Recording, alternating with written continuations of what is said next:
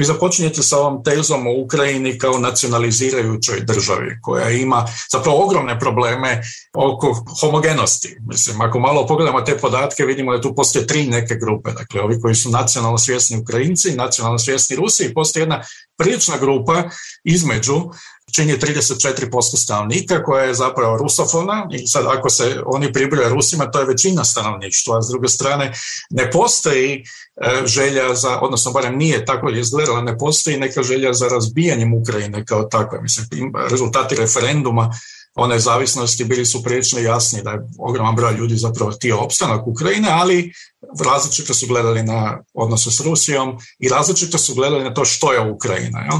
Mislim, meni je vrlo zanimljivo bilo vidjeti tu taj sukob između s jedne strane civilnog e, gledanja na naciju koje se pojavljuje kod manjine, zar ne? Mislim, i ovog etničkog koji se pojavljuje kod Ukrajinaca. Evo, ako možete možda malo detaljnije objasniti u kom smislu je ta Ukrajina bila toliko kompleksna i što ovaj ratni sukob, naravno to će nas najviše zanimati, čini po tom pitanju. Ja mislim, tu se vjerojatno događaju neke radikalne transformacije o kojima možemo samo spekulirati za sada.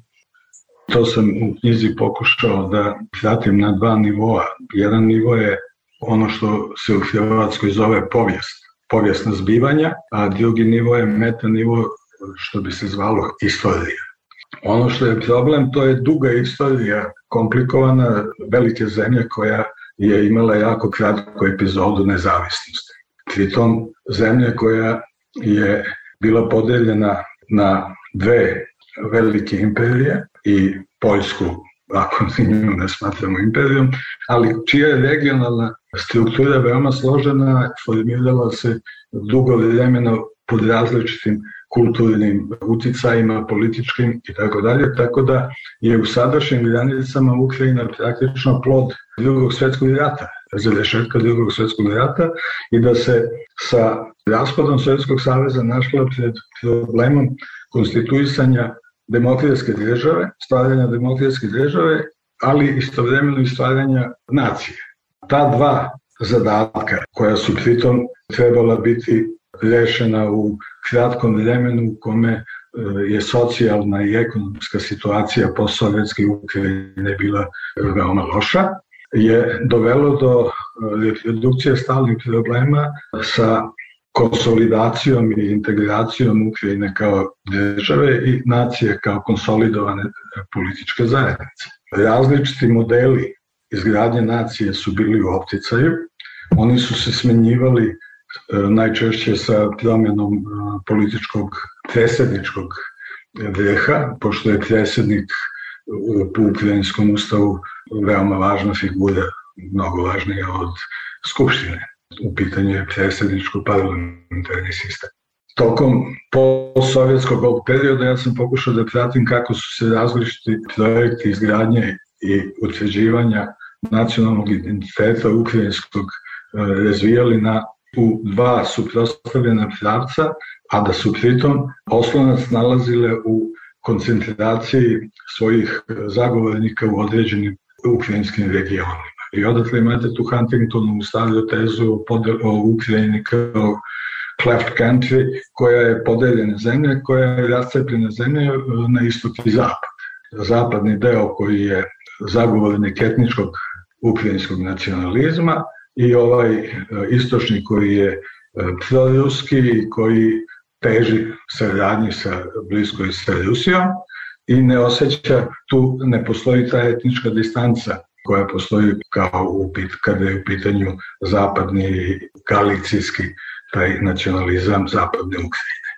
Ti različiti modeli izgradnje nacije su dodatno komplikovani tom jezičkom e, situacijom kojom ste pomenuli centralni deo Ukrajine je između dve vatre, Donbasa i Galicije.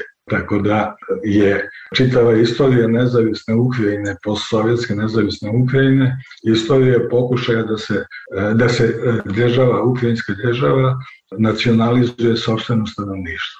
I tu koristim Drew Bakerovu ideju nacionalizujuće državi, čiji je osnovni zadatak da ojača nacionalni identitet, titularne nacije, da pritom ima problem onda sa manjinama koje ima i da te onda probleme rešava tako što će pozitivno diskriminisati titularnu naciju.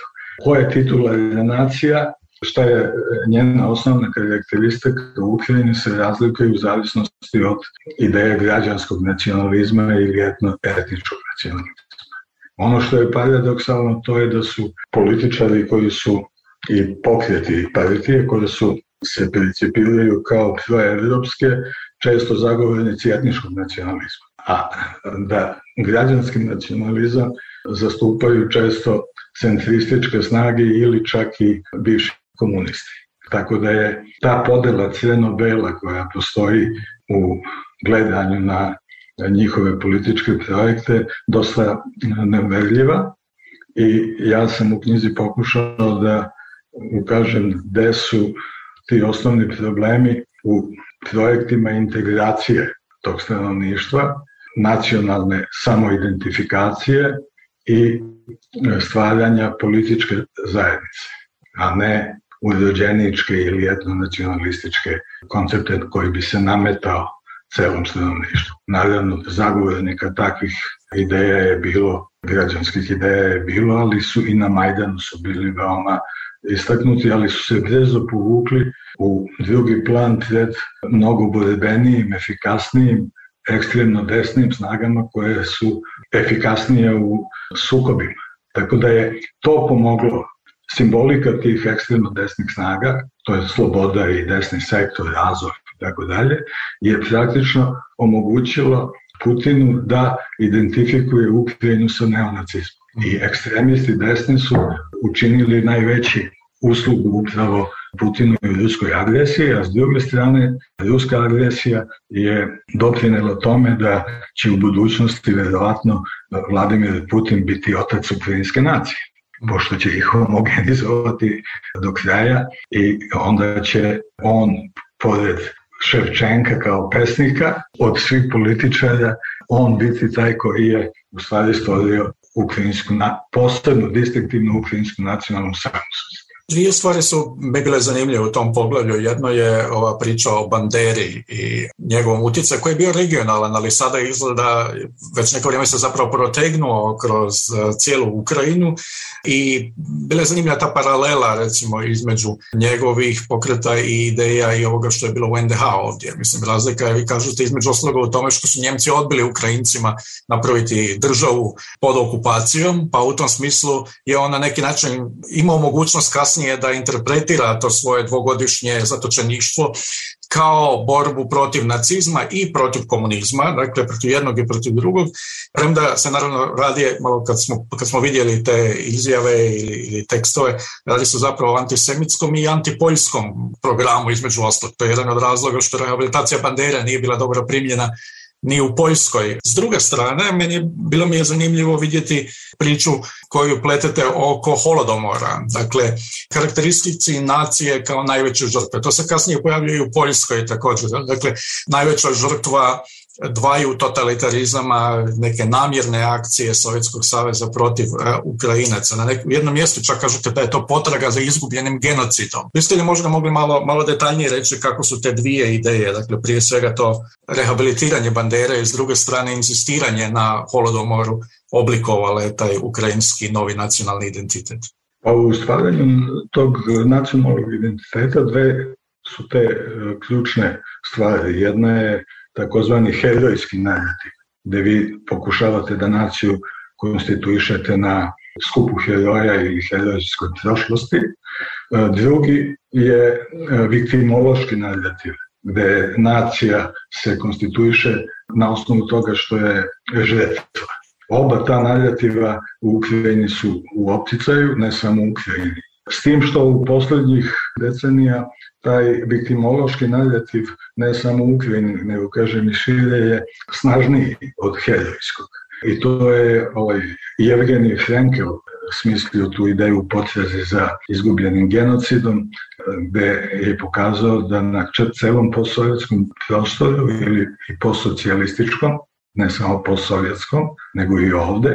Svaka nacionalna zajednica pokušava da se legitimiše kao žetva ili se prikaže kao žetva, za genocid postaje ključna kategorija i na osnovu te žetvene pozicije se pozicioniraju u međunarodnom politici, dobije priznanje. Ono što je problem za Rusiju i za Ruse je činjenica da kao velika država koja se osjeća kao super sila ili želi taj status, ona mnogo manje koristi viktimološki narativ. I Hopsing je napisao knjigu o Rusima kao žrtvama i vladarima. Iako su bili žrtve, istovremeno su bili vladari, ali po sovjetskom prostoru svi ostali baltički, poljski, ukrajinski delovi, svi potenciraju taj žetveni narativ. Pored njega Kao dopuna je herojski narativ koji je u Ukrajini ključan kada je u pitanju herojska takozvana borba ukrajinske ustaničke armije i organizacije ukrajinskih nacionalista e, pod vodstvom Stjepana, Stepana Bandere. Odatle Bandera postaje ključni marker herojskog nacionalnog identiteta, a holodomor marker žetvenog u interpretaciji holodomora da kao genocida, da ne ulazim sada u probleme uopšte definisanja genocida i Lemkinove definicije i kasnijih rasprava. Ključna je podela na interpretatore koji insistiraju na intencionalističkom tumače glad kao intenciju uništenja ukrajinskog stanovništva i druga škola mišljenja koja smatra da je glad masovne i tragične smjeti e, masovne, posledica nepromišljene, pogrešne, zločinačke, ekonomske politike Sovjetskog saveza, vrha Sovjetskog saveza ali u oba slučaja, nezavisno od toga kako tumačimo holodomor, da li kao usmeren ka uništenju Ukrajinaca kao nacije ili kao posledice pogrešne politike kolektivizacije seljaštva u zemlji koja je u ogromnom procentu seljačka zemlja, pa zato najteže pogođena. U oba ta slučaja sećanje na taj događaj koji je odneo milione života predstavlja ključni element e, nacionalne samosvesti koji se bi radi na tome da je e, nacija bila žrtva. Herojski pak narativ počiva, kažem, na rehabilitaciji bandere, koji je sasvim slučajno ostao izvan uobičajene sudbine saveznika eh, nacističke Nemačke, zato što prosto Nemci, kao što ste rekli, nisu hteli da prave nezavisnu eh, državu na plodnom tlu Ukrajine za koji su planirali da će napraviti farme na kome će Nemci živeti kao neka vrsta feudalnih gospodara za koje će mhm. raditi ukrajinski seljaci eh, koji će imati samo mogućnost da se eh, opismene do četiri razreda osnovne škole, ali činjenica da je on hteo da i težio da bude u sastavu takozvane nove Evrope hitlerovske, kao i njegova ideologija i ideologija pokreta koji je vodio, kao i činjenica da je taj pokret napravio ogromne zločine prema poljskim sunarodnicima i, i jevrejskim, ga čini fašističkim prosto insistiranje na njegovom herojskom statusu i nametanje tog statusa kroz školske učbenike, memorijale, spomenike i tako dalje, je kontraproduktivno za samu Ukrajinu i u zavisnosti od promena političkog vodstva u Ukrajini taj stav se onda menja. Ali zapad Ukrajine, Lvo i Galicija čitava je tradicionalno region u kome je bandera heroj. Spomenici Lenina su porušeni po celoj Ukrajini, na mesto njihovih često su dignuti spomenici Stepanu Banderi, a Kasjanov, Georgije, istoričar tog ukrajinske koga ja veoma cenim, je predložio u šali da bi bilo dobro na postolje spomenika staviti navoj i da tri dana se stavlja banderina glava, tri dana Leninova, a nedelja da bude bez glave. Da, da se, da se odmara. Struktura tog mita Bandere i, i estetika njegovog slavljenja liči na e, sovjetsko nasleđe. Zato je to dobra šala. Trebalo bi primijetiti da se sve to događa u jednom novom diskursivnom okviru, a to je ideja o dva totalitarizma koja s jedne strane onda omogućava da netko kao Bandera u krajnjoj liniji se pokaže kao pozitivna ličnost u povijesti, jer se tamo ima ona, ona ocjena neka državne komisije da je on fašista, ali nije kolaboracionist. Jel? A svakako se borio protiv e, Sovjetskog saveza. S druge strane, ovo što radi Putin s vojnom paradom je zapravo direktno suprotstavljeno ideji dva totalitarizma. Zato da bi se pokazalo da se ne može ni na koji način izjednačavati nacističku Njemačku sa stalinskim Sovjetskim savezom. I ta rehabilitacija Staljina na neki način o kojoj smo ranije govorili isto je, treba ja mislim smjestiti u taj okvir. Ali možda da se sada za kraj, da se možda osvrnemo na Poljsku. To je prvo poglavlje vaše knjige, e, organizirano praktički tako da ste nam ispričali priču o Janu Grosu i njegovoj knjizi Susjedi i reakcijama na tu knjigu i također ste ga povezali zapravo sa tim narativom o najvećoj žrtvi. Poljskoj pak kao najvećoj žrtvi dvaju totalitarizama, okupiranoj i 39. i potom 45. dakle sa ideji o dva okupatora i negiranju bilo kakvoga sudjelovanja, odnosno suučesništva Poljaka u bilo kakvom zločinu koji se dogodio. Vi ovdje sasvim konkretno se bavite ovim zločinom od 10.6.41. u ovom mjestu Jedvabne i onda kasnije nekim drugim pogromima i situacijama koje su se dogodile i nakon 45. u odnosu na, na jevrejsku e, populaciju. Zašto je to pitanje toliko e, problematično za taj neki danas dominantni možda narativ o Poljacima i njihovoj istoriji? On je ključan zato što je poljski istorijski narativ se temelji na ideji žrtve na Poljskoj kao raspetom Hristu, koji je tokom prošlosti bio e, najveća žrtva, a borio se za, kako to Poljaci kažu, vašu i našu slobodu. Nestanak Poljske sa političke karite Evrope e, od kraja 18. veka do kraja 3. svetskog rata, nepostojanje države i tako dalje, je ključni motor tog narativa, a antisemitizam i posledica činjenice da su jevreji, takozvani istočni jevreji, u stvari u velikoj meri koncentrisani u, bili u tadašnjoj, na poljskim zemljama, pošto nije postojala poljska država. Nastankom poljske države takođe se postavilo pitanje integracije tog stanovništva ili konsolidacije društva i koncepta nacije i etnonacionalizam poljski je bio dominantan nakon 26. godine.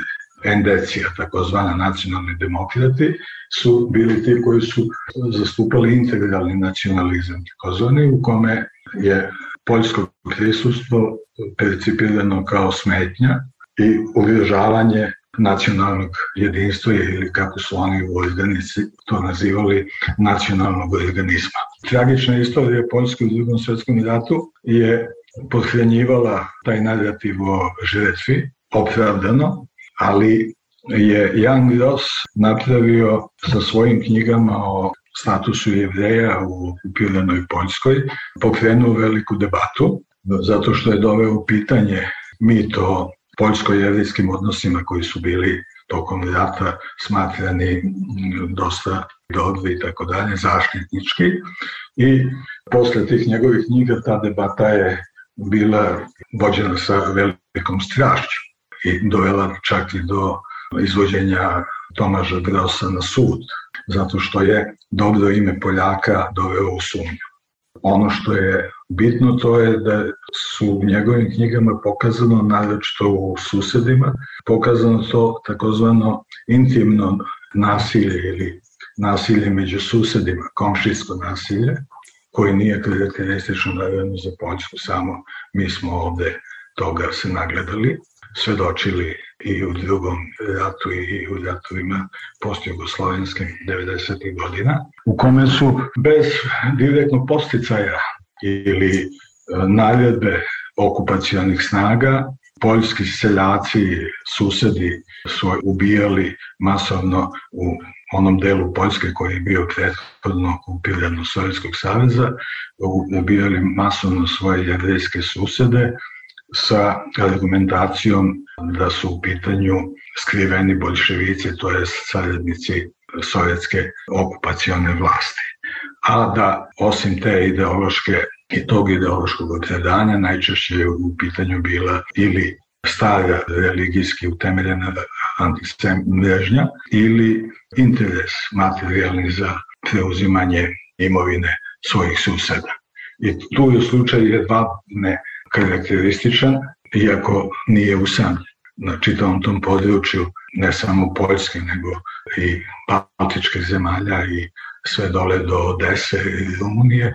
Imali smo te masovne pogrome u tom interregnumu u kome Nemačka vlast se još nije učestila pošto je Greza u Blitzkriegom napredovala i ne postoji nikakva vlast ili država, imate erupcije nasilja koje su susedske takozvanog nasilja, intimnog nasilja koje je veoma surovo primitivnim sredstvima se ta ubistva izvješavaju paljevinama ljudi zatvorene, zatvorenih u ambare i to je ono što nije, kažem, karakteristično samo za Poljsku, ali je poljska javnost to dosta teško primila iz prostog razloga što je samo svet Poljska temeljena na eh, ideji Poljaka kao, i Poljske kao žretve. Odjednom žretve postaju dželati. Eh, naravno, to Gros eh, nije tvrdio, tvrdio je da je deo Poljaka u tome učestvovao, ali to je teško primljeno zato što je bilo u suprotnosti sa tim dominantnim narativom o Poljacima kao žrtvi dva totalitarizma. Inače, sama ideja dva totalitarizma je više bila plod baltičkih političkih aktera. Baltičke zemlje i baltičke političke elite su bile e, najglasnije i najuspešnije u formulaciji te teze o dva totalitarizma, koja je uticala na promenu evropskog modela pamćenja. Mhm. Pošto je evropski model pamćenja koji je bio dominantan i koji je fundiran u zapadnoj Evropi, u Nemačkoj i Francuskoj, se temeljio na ideji pobede nad fašizmom, sa idejom nikad više i holokaustom kao centralnim mestom pamćenja. Proširenjem Evropske unije Baltičke zemlje, Poljska, Mađarska, Češka, pa i Slovačka su formulisale zahtev da se njihovo istorijsko iskustvo ili njihovo istorijsko pamćenje, koje je tragično e, za njih bilo, prizna kao jednako pamćenju koje dominira Europom i odatle umnožavanje potrage za genocidima i isticanje tog žetvenog, žetvenog narativa kao ključnog za te nacije koje su onda bile žrtve dvostilkog totalitarizma nemačkog, nacističkog i sovjetskog. To je da 45. godina nije zarešena 45. godine, nego 89. i da je čitav taj posleratni period za njih bio dožetak neslobode, a ne e, oslobođenja koje treba da se slavi kao dan pobjede nad fašizmom. Evo, ja bih tu zapravo sada stao i otvorio bih prostor za pitanja ili komentare drugih koji prisustuju ovom našem razgovoru. Milan Radanović, pa potom Tihomir Ponoš. Milane, izvoli. Postoji dosta pokazatelja koji ukazuju na zaključak da je na e, istoriozovsku politiku Vladimira Putina kao državnika značajno uticao jedan emigrantski pisac, odnosno teoretičar, blizak fašizmu, Ivan Iljen. Znamo da je 2005. godine uz Putinovo posredstvo da su Iljinovi zemni ostaci prebačeni iz Švajcarske u Moskvu, da je Putin zvanično posetio Iljenov grob 2009. da je 2005. štampan celokupan opus Iljenov u 23 toma u Moskvi i tako dalje. I da je naredne godine 2006. zaostavština iz Čikaga prebačena u Moskvu i tako dalje. Dakle, prvo pitanje bi bilo šta vi mislite o, o tom uticaju, koliko je on važan, a drugo pitanje, nastavit ću maksimalno da skratim, jeste, tiče se naravno Ukrajine. Naime, ja sam godinama pratio dva naloga, odnosno jedan nalog na Twitteru jedan nalog na Facebooku e, gospodina Edvarda Dolinskog.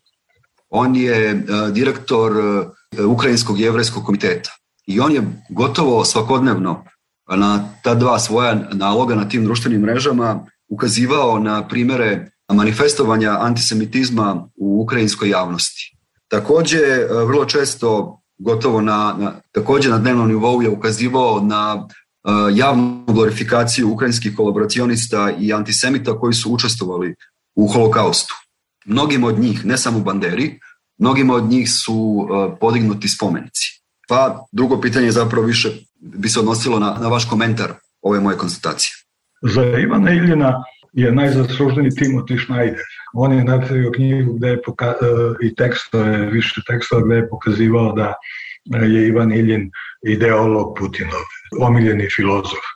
Mislim da je to preteljena interpretacija malo nategnuta.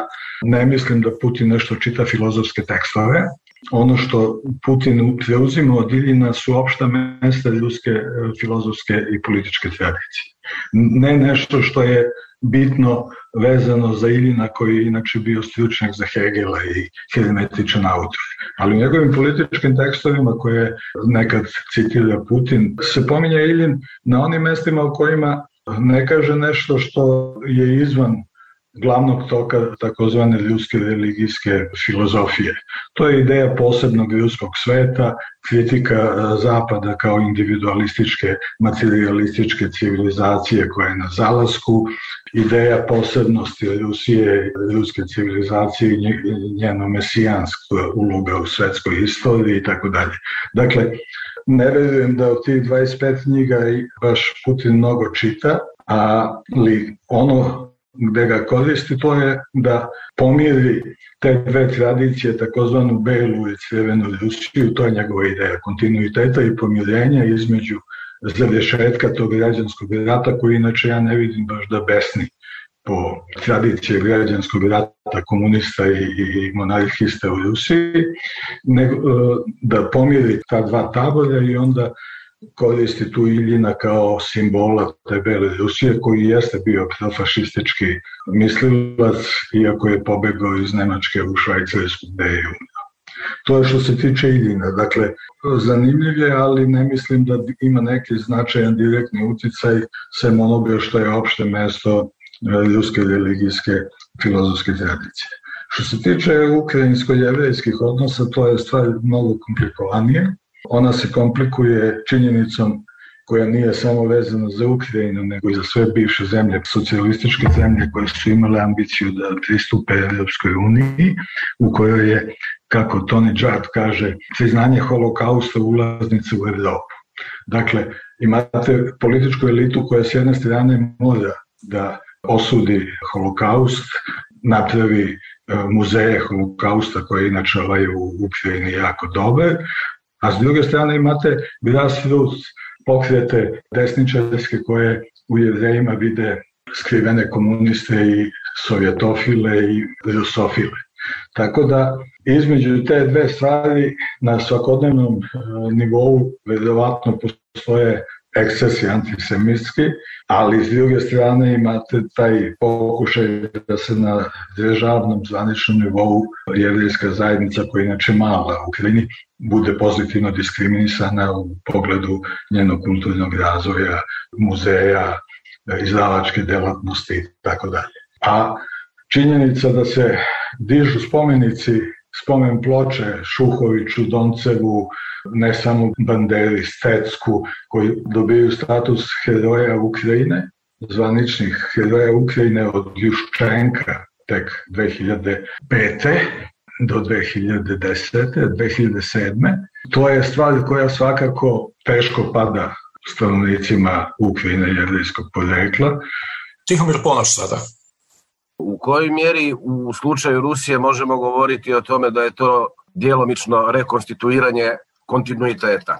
Znamo recimo da je Putin diplomatima vratio uniforme i da su to zapravo uniforme koje su na neki način i slične modernizirane uniforme onima koje su ruski carski diplomati imali u carskoj Rusiji se traži ishodište ruske diplomacije, a s druge strane u kojoj mjeri je to kod Ukrajine na neki način neka vrsta emancipacije i odustajanje od kontinuiteta onoga što je bilo do 90. 91. Što se manifestiralo i puno prije 2012. pa i prije 2014. u naglom slaženju ukrajinskog jezika u javnoj upotrebi koje nije išlo bez pa čak i neke vrste administrativne sile pa i rekao bih nerazumijevanja prema rusofonom stanovništvu i nekim njihovim tradicijama i potrebama i tome da su oni u školama svi morali čitati Puškina na ukrajinskom, iako oni odlično naravno znaju ruski i htjeli bi čitati Puškina na, na ruskom.